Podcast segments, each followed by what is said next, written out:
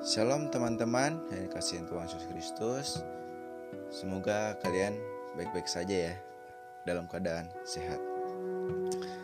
Di sini kembali lagi dengan saya Tegar Pramuda Laksana Yang akan men-share eh, apa ya, Men-sharing tentang firman Tuhan. Di sini saya mau mulai mengambil dari Matius 6 ayat 7 sampai 15 yang berjudul Hal Berdoa. Sini juga saya akan mengambil tema membangun relasi melalui doa. Oke.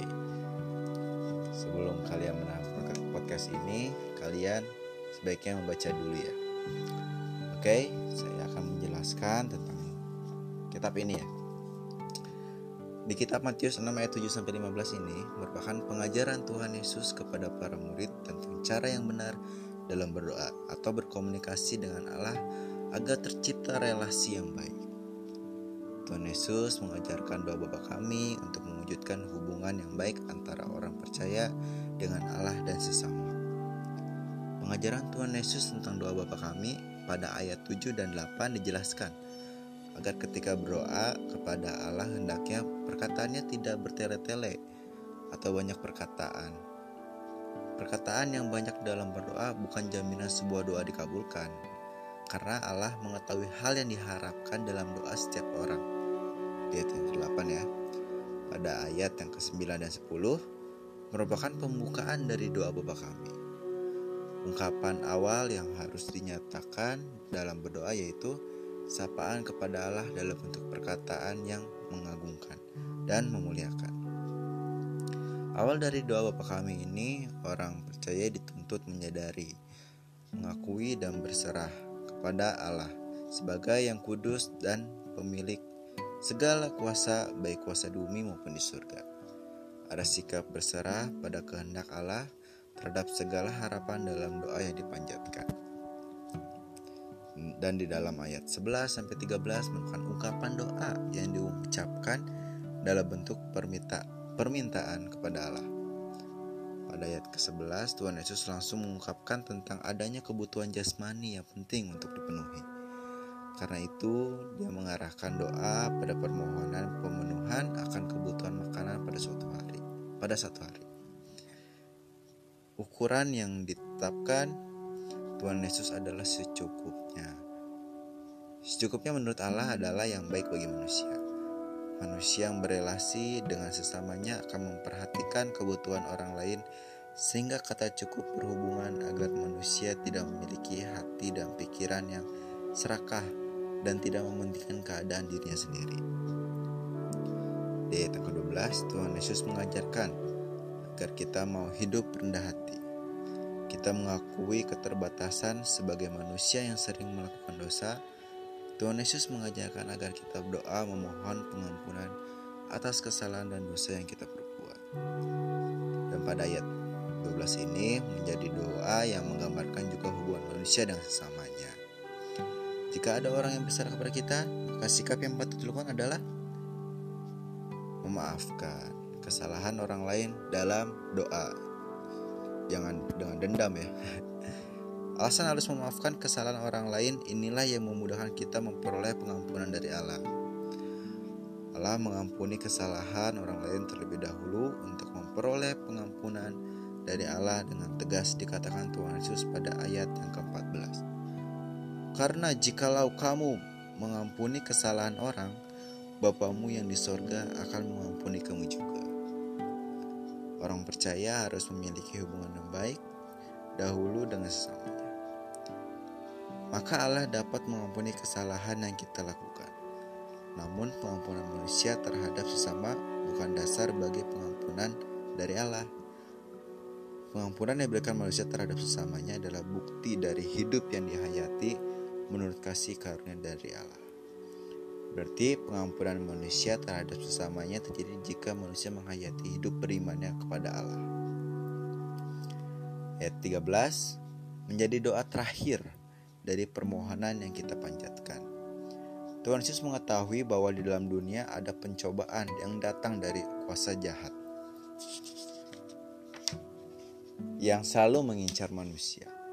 Karena itu, dalam doa Bapa kami dijelaskan agar memohon kepada Allah untuk tidak dibawa ke dalam pencobaan, lain dilepaskan daripada yang jahat. Nah,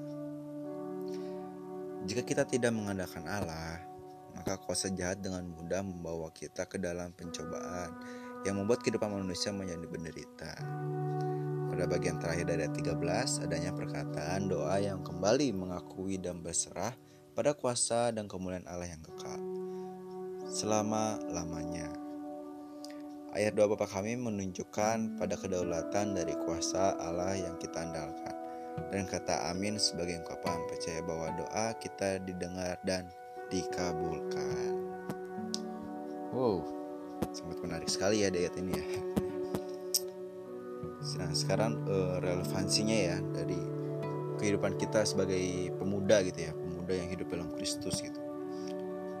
Uh, doa Bapa kami ya adalah pengajaran yang Tuhan Yesus berikan kepada setiap orang percaya pastinya. Setiap bagian yang ada di dalam doa kami menjadi ungkapan yang perlu senantiasa dihayati oleh pemuda. Pemuda dapat semakin mensyukuri kehidupan yang Allah berikan. Hubungan dengan Allah yang baik harus memberikan daya semangat dalam kehidupan pemuda menyadari akan jati dirinya yang harus lebih mampu mengelola setiap kebutuhan hidupnya. Sehingga setiap berkat yang Tuhan berikan tidak berlalu begitu saja. Uh, pemuda juga dapat menunjukkan rasa peduli dan perhatiannya terhadap dunia sekitar. dan pada masa pandemi ini ya, Tentu pemuda juga sudah mengetahui hal-hal yang perlu diterapkan sebagai pola hidup menjaga kesehatan diri dan orang lain. Relevansi hidup yang perlu diterapkan dengan meneladani doa Bapa kami adalah pemuda pemuda yang hidup dalam Kristus senantiasa melibatkan Allah dalam setiap aspek kehidupan.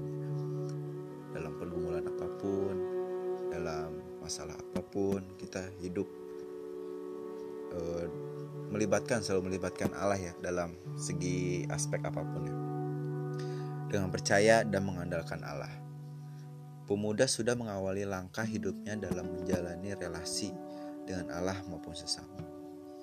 Dan doa Bapa kami bukan hanya sebagai doa yang perlu diucapkan oleh pemuda, tetapi melalui doa kami pemuda dapat mewujudkan sikap hidup yang mencerminkan setiap perbuatan yang dikendaki Allah. Jadi uh, setiap apa yang dikatakan doa bapak kami itu kita praktekkan lah dalam kehidupan kita sebagai pemuda gitu. Dalam kehidupan sehari-hari juga ada saja dijumpai bahwa kehidupan pemuda tidak bisa menjadi contoh sebagai anak-anak Allah. Kesombongan, iri hati, dan kekerasan sering mewarnai kehidupan pemuda.